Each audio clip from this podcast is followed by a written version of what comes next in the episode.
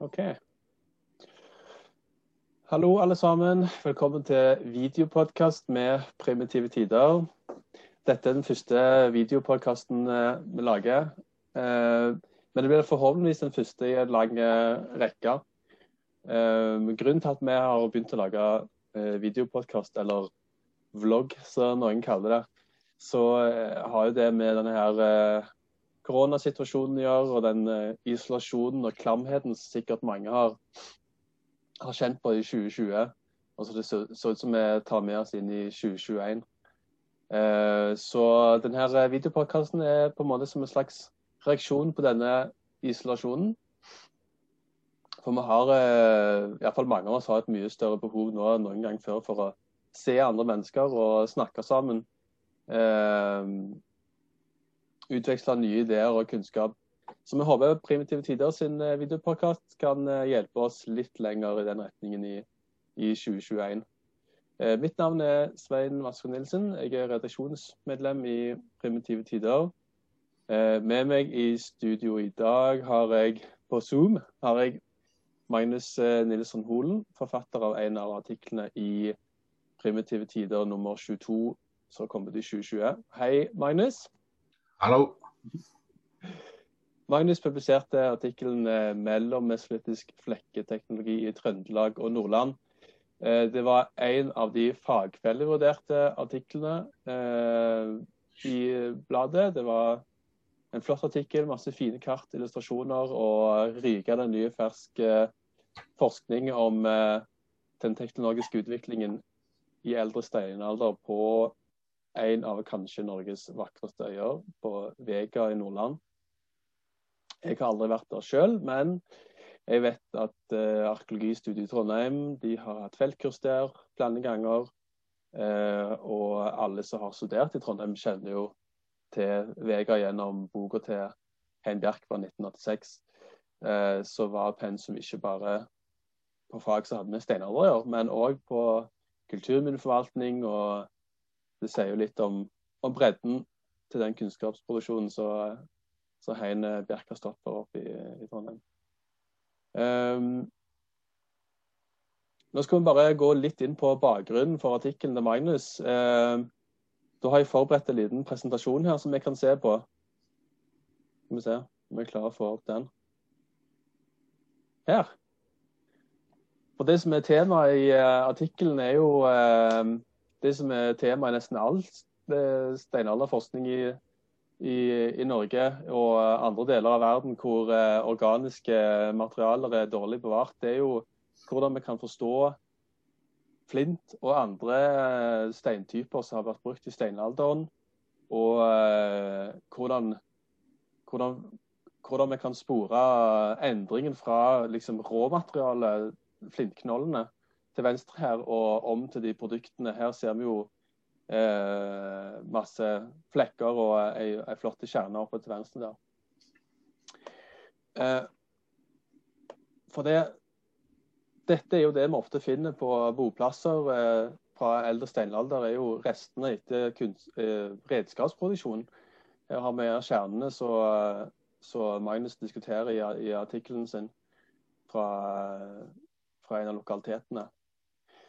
Og eh, dette handler jo om eh, hvordan eh, trykkteknikk Det er en sånn eh, teknikk som ble brukt for å lage flekker i eh, eldre steinalder i, i, en viss periode. Og dette er et tema som har blitt eh, diskutert i mange mange tiår, egentlig. Spesielt i USA, hvor det ble gjort observasjoner på 1800-tallet, bl.a. av George Catlin, av innfødte da, så i Sør-Amerika så trykte av lange flekker fra, fra obsidiankjerner. Og Til å begynne med så var det bare observasjoner som var skrevet ned og få tegninger uh, å gå etter. Men etter hvert så kom det jo uh, andre bøker av Sellers, og Holmes, som hadde tegninger sånn av hvordan dette ble gjort. Og På den tida ble det her sett på som en inngangsport til å forstå uh, og hvordan folk hadde eh, lagt eh, redskaper av stein eh, enda lenger tilbake i tid, da, tilbake til steinalderen òg. Og Så begynte en del arkeologer å prøve å gjenskape disse teknikkene eh, senere ut på 1900-tallet. Så Her ser vi Tixier oppe til venstre her. Så, eh, så tester du en teknikk for å lage flekker. Så har vi Clark nede til venstre her med en annen teknikk. Eh, oppe i midten her er et av eksperimentene til, til Callahan. Og jeg tror det er Pellegrin sin figur her til, til høyre. Så viser litt av utviklingen, da, hvordan eh, arkeologer har eh, prøvd å gjenskape for å forstå hvordan eh, teknikken i steinalderen har fungert. Og eh, da er det jo eh, bl.a. Eh, eksperimentene til Jacques Pellegrin eh, som har eh, fått mye gjenklang i forskningen for fordi han har utført veldig eh, detaljerte og forseggjorte eksperimenter da, på hvordan flekker kan bli produsert med trykkteknikk. Her har vi jo litt ulike teknikker hvor de ulike teknikkene gir ulike lengder og bredde på, og, på flekkene. Og, og, karakteristiske kjennetegn på, på kjernen òg. Så dette er jo da kunnskap som har fått eh, Ja, jeg må jo bare vise bilde av eh, eh, flekkemaskinen som Winterhalder lagde for en del år siden, så har Ja. Jeg er jo veldig nerdete, da, men det har gitt resultater, det òg. Hvor jeg kan kont veldig kontrollerte forhold finne ut av nye ting som har med vinkler og trykk og alt det her å gjøre på hvordan flekker produseres. Og nå eh, viser jo forskningen da, for de siste ja, si, 10-20 årene at det her, hele dette konseptet med å trykke flekker er noe som oppsto oppi Mongolia eller området oppi der, og at det da har spredd seg rundt omkring i verden etterpå. Vi ser jo eh, Norge er jo oppe her i midten, og en av de kjente lokalitetene i Finland, Sujala, hvor en av dateringene er til nærmere 9000 BP. Og så har det kommet en eh, god del spennende forskning fra både Norge og ja, Sverige og Danmark. Vi har uh, Mikkel Sørensen sitt uh, teknologiske uh, utviklingsskjema her til venstre for Danmark. Hvor vi ser trykkteknikken komme inn her i fase tre. rundt 7000 BC. Litt før det, egentlig. Og så har vi jo det her kjente kartet fra Mikkel Sørensen og en rekke forskere som en artikkel som kom ut i 2013, tror jeg. Som handler om hvordan dette her teknologiske konseptet kom til, til Norge, og Sverige og, og, Danmark. Og vi ser jo her Til høyre her så ser vi faktisk disse dateringene fra Sujala, som ligger på uh, 8-5, litt før det eh, Karl BP. Og så har vi ja, Det er kanskje BC, det her. Og så har vi dateringene fra Knubba oppe i uh, tidligere Hedmark, som er noen av de eldste dateringene fra, fra Norge. Det er vel den som er nummer syv her på det bildet. Eh, og så har det nå kommet en del eh, genetiske studier. Her har vi jo eh, den her til Gunther og kolleger som kom ut for bare noen få år siden. En veldig kort artikkel om DNA, men et massivt stort supplementary dokument her, S1, som er med arkeologisk bakgrunn for den studien her, som er absolutt verdt å, å lese for de som er interessert. Og et av de spennende funnene her er jo den her oppe i Steigen som er relativt nærme studieområdet til, det, til det, den artikkelen vi skal snakke om her i dag. Her ser vi da her skjeven som ble funnet inni ei hule på ei øy oppi Steigen. Og Det som jeg kan nevnes, er jo denne figuren oppe til venstre, hvor vi ser eh, ja, veldig enkelt eh, framstilt med disse her mørke rundingene, som da er den østlige genetiske signaturen. Og så har vi da den her vestlige eh, refugiene fra etter istida, som er den lyse grønne. Vi ser disse her i eh, Motala, i eh, Sveinjekki og Hummervikholmen i, i, Norge. Og Steigen de har en sånn miks mellom disse østlige og vestlige genetiske signaturene. Måløya det er der denne prøven kommer fra, da, fra Steigen, som er datert til ca. 3900 BC, som det er jo helt mot slutten av steinalderen. da, Eller steinalder. Om vi ser på kartet, så ser Måløya ikke så veldig langt ifra Vega, som vi skal snakke om i dag. Eh, her har vi da bildet fra artikkelen til Magnus med bilde av eh, Her har vi Vega, Follsjøen-lokaliteten der nede som denne kjernen er fra. Og så ser vi også bilde av, eh, av eh, lokalitetene som ligger ute på Vega her. Veldig spennende artikkel. som vi ser. Der var vi tilbake igjen. så eh, Magnus, Ja. eh, kan du fortelle litt om hvordan du først ble interessert i denne, eh, dette her temaet med flekketeknikk, og, og hva du syns det som gjør at det her er så spennende?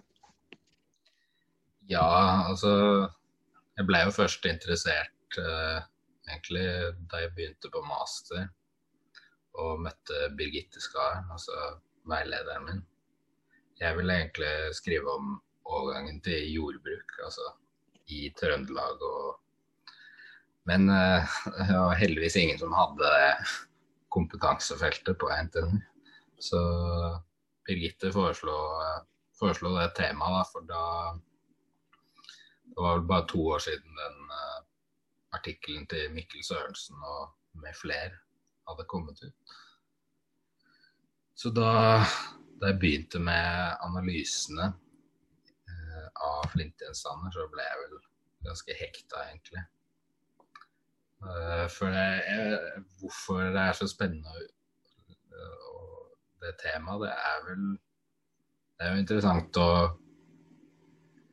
kunne studere opphav og forflytning gjennom teknologi, da. Men det er jo noe med å komme nærmere de menneskene som levde for 10 000 år siden. Og det høres jo kanskje litt sært ut, men man studerer jo menneskelige handlinger gjennom de analysene av teknologi. Og så ser man jo da at uh, det er jo ikke bare å sette seg ned og denge på en stein. Altså, det er veldig sofistikert, mye av det de har holdt på med.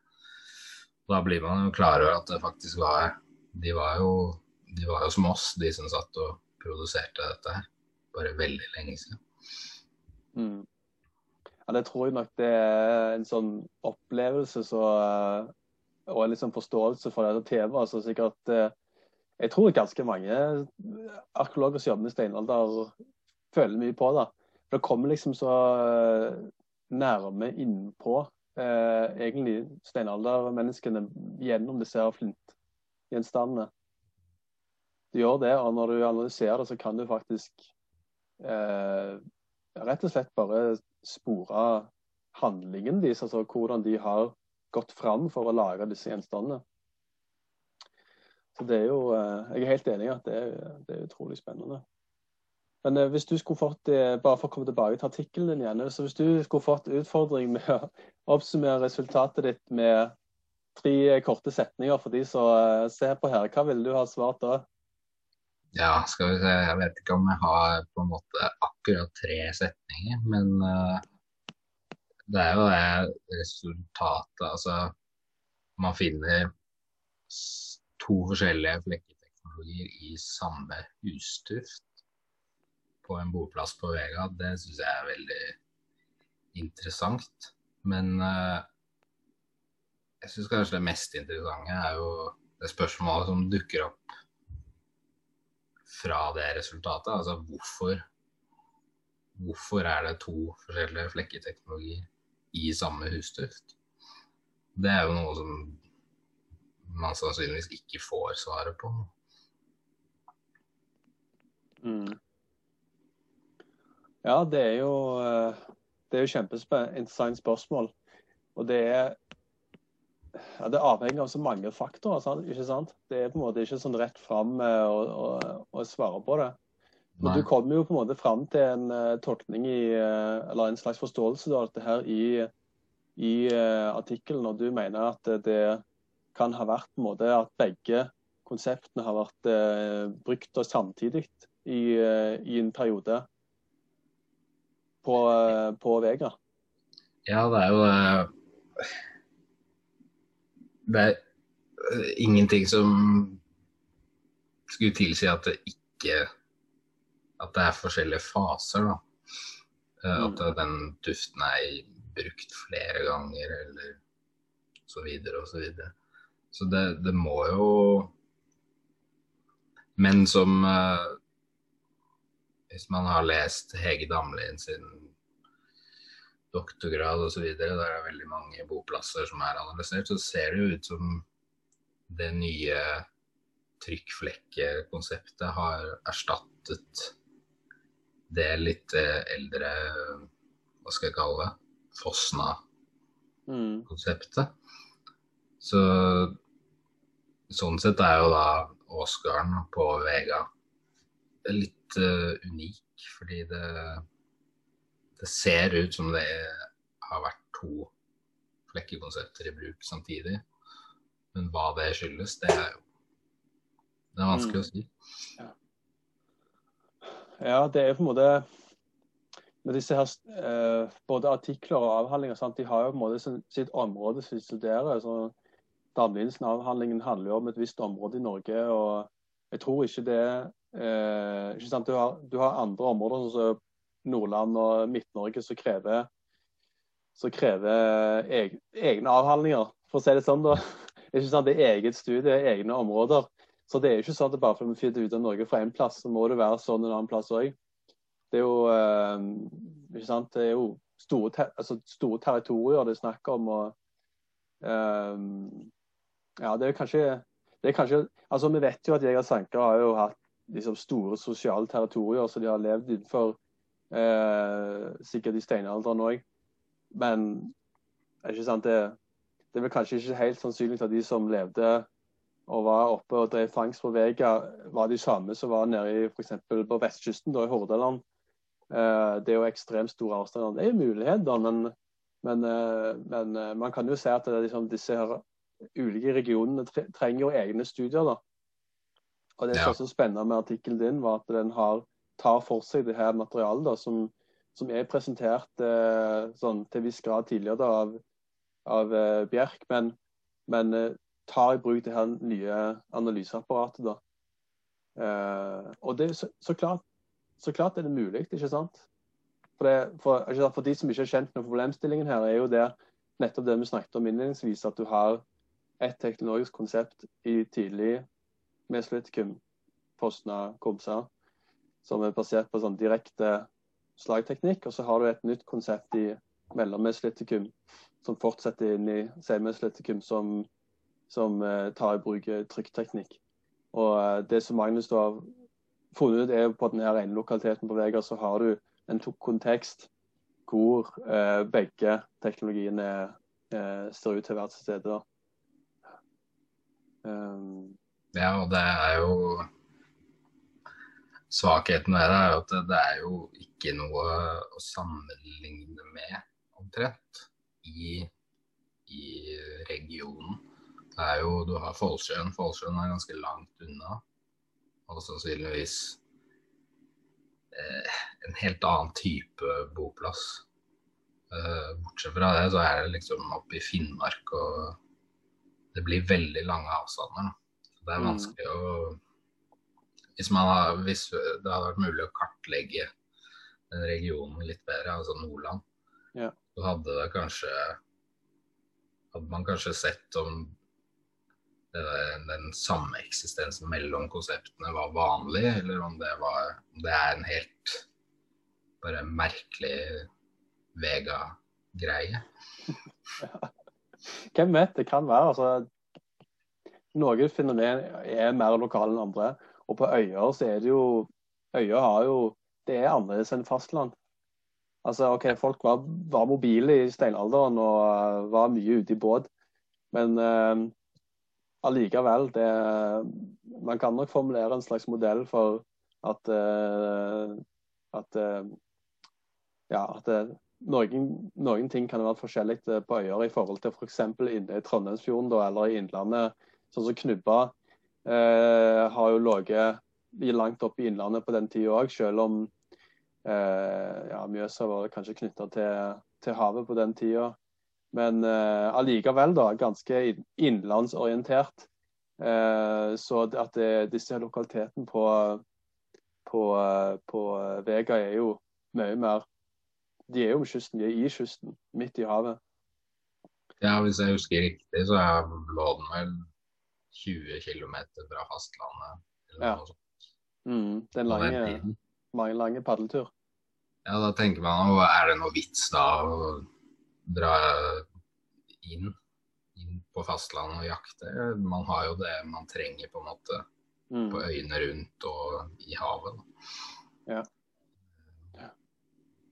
Ja, det som er, det som er bakgrunnen, altså kan jeg fortelle de som ser på det, bakgrunnen for at det er mye, mye kunnskapsproduksjon, mye som skrives om mellommestlytikum, denne teknologien på Østlandet, er jo er veiutbygging, eh, utbygging av eh, eh, tog, togbaner, togskinner. Sånn at og da graves det ut masse, masse lokaliteter, og en del av de lokalitetene som er gravd ut de siste eh, ti, ja, si ti årene, de har vært mellomøstflitiske. Og så har det blitt forska på de lokalitetene etterpå. Så det er selvfølgelig ikke altså Grunnen til at vi ikke vet så mye om Nordland, er jo for, sikkert òg pga. at det har vært lite utbygging. Det, det bor jo ikke like mye mennesker der. Nei, Så, ikke sant. Så det er jo eh, Det, spil, det spiller inn, og dessverre, det er liksom sånn arkeologien er avhengig av, eh, av utbygging og at, eh, hvordan samfunnet er ellers. Ja. Det er sprøtt at vi kan liksom spore det helt ned til, til mellomestlytikum, og den kunnskapen vi har, er så avhengig av eh, statsbudsjettene. ja, det er litt synd egentlig. Men uh... Ja, på en måte er det jo det. Det er jo det. Men se, artikkelen har jo veldig mye informasjon. Eh, Jeg, jeg syns jeg husker at en av, en av kommentarene til fagkveldene var at du hadde med absolutt alle referansene til, som finnes på dette temaet. da. Og det er jo veldig imponerende i seg sjøl. Det er jo det er også veldig mye funn som er med i artikkelen. Som er innbakt i tabellene dine og sånn. Og Du brukte jo sikkert en, en god del tid på å gjøre det her. Har- Tok du tida på hvor mye, hvor mye du var i magasinet? og eh, nei, jeg har ikke noe eksakt timeantall, eh, men eh, jeg brukte veldig mye tid på det. Og i tillegg så analyserte jeg alt. Jeg analyserte alle flekkene to ganger. Eh, og kjernene tre ganger. Fordi eh, jeg begynte året på maset året før Hege Damlien publiserte sin ph.d. Og så etter å ha analysert med eh, den, den dynamisk-teknologiske klassifiseringen, altså analyseskjema, eh, der brukte jeg først Mikkel Sørensen sin fra 2006. Eh, men så så jeg at Hege hadde brukt eh, en versjon fra 2013 som var litt oppdatert. Mm. Så da analyserte jeg alt på nytt med den. Og så i tillegg til kjernene, da. Men den tredje så jeg var eh, For et år siden så var jeg eh, ved Kulturhistorisk museum på Økeren eh, sammen med Lucia Koksvold. Og hun fant fram masse materiale til meg som jeg kunne se på. Og da ble jeg plutselig veldig usikker på det jeg hadde sett på fra Vega. Så da, da dro jeg opp til Trondheim igjen, og så brukte jeg en uke på å bare analysere alle kjerne, kjernefragmentene en gang til. Um, så Det var, det var etter masteren, eller var det i masteren? Nei, det var etter masteren. Det Det, var etter masteren. det, det er et år siden. Så hvis noen har lest masteren, så er det et par Det er nok eh, noen ting som skiller seg da, fra resultatene i masteren. Ja, ja. Resultatene i artikkel. Ja. Man lærer jo hele tida. Ja. er, ligger masteren på nett? Ja. Den ligger på den der eh, NTNU Open. Ja, OK. ok. Vi kan sikkert få en sånn en link, ja, sånn, Ja. så folk kan trykke på. Jeg vil heller at de leser artikkel. ja, selvfølgelig. selvfølgelig. Det vil jo vi òg. Ja, ja, ja. Klart det. Og så var det du lurte på ja, jeg vil oppmuntre andre til sånt arbeid. Altså det er jo Jeg vil absolutt an- oppmuntre til det, men eh, det tar jo veldig mye tid. Mm. Og så Jeg satt jo i to år stort sett og hadde flere spørsmål enn svar fra det Altså, man, man må ikke forvente at det nødvendigvis er en analyse som gir mer svar spørsmål. Fordi det er først når du får samla alt, all data, at det, du kan begynne å på en måte trekke noen konklusjoner. Ja. Så det er jo litt læring gjennom erfaring. Du skjønner mer og mer jo mer du analyserer. Og så må du kanskje gå tilbake og analysere noe en gang til. Men eh, Ja. det, jeg syns det er utrolig gøy. Du må kanskje være veldig interessert i flint. Ja, ja, det var- ja, det kanskje du må ha en viss interesse for, eh, for flint, ja. Mm. Men hva kan du, eh, hvis du skulle kommet noen tips eller råd til, til noen eh, andre studenter i arkeologi, eller, eller nyutdannede arkeologer når det gjelder veien videre med publisering, har du noe, har noe tips til de unge lovende? Du er jo nyutdannet selv relativt, da, og dette er vel en av de første publikasjonene dine. Har du noen tips til de, til de som jobber med dette her nå? Ja, nei, altså dette er jo faktisk den aller første artikkelen som jeg har eh, publisert. Uh, jeg var veldig heldig med veilederen min. Uh, Oppmuntra meg veldig til å publisere resultatene. Ja. Og så hjalp hun meg med artikkelen, selv om veilederjobben hennes egentlig var ferdig. Så Birgitte skal være eh, veldig god veileder til de som går på NTNU. Det beste tipset jeg, jeg husker jo da jeg fikk tilbake artikkelen fra fagfellevurdering hos dere den første gangen. Og det var liksom stappfullt av kommentarer gjennom hele artikkelen. Og da ble jeg litt sånn Oi, kan jeg ingenting? På en måte. Eh, ja, det er den store testen. så det er kanskje det, da. Å lære seg å lære seg å få kritikk, og så ta den til seg. Fordi man, selv om man er ferdig utdanna, så betyr ikke det at man er ferdig utlært. Mm. Når du er ferdig utdanna, så har jo alle i samme fagfelt har jo mer erfaring enn deg. Ja.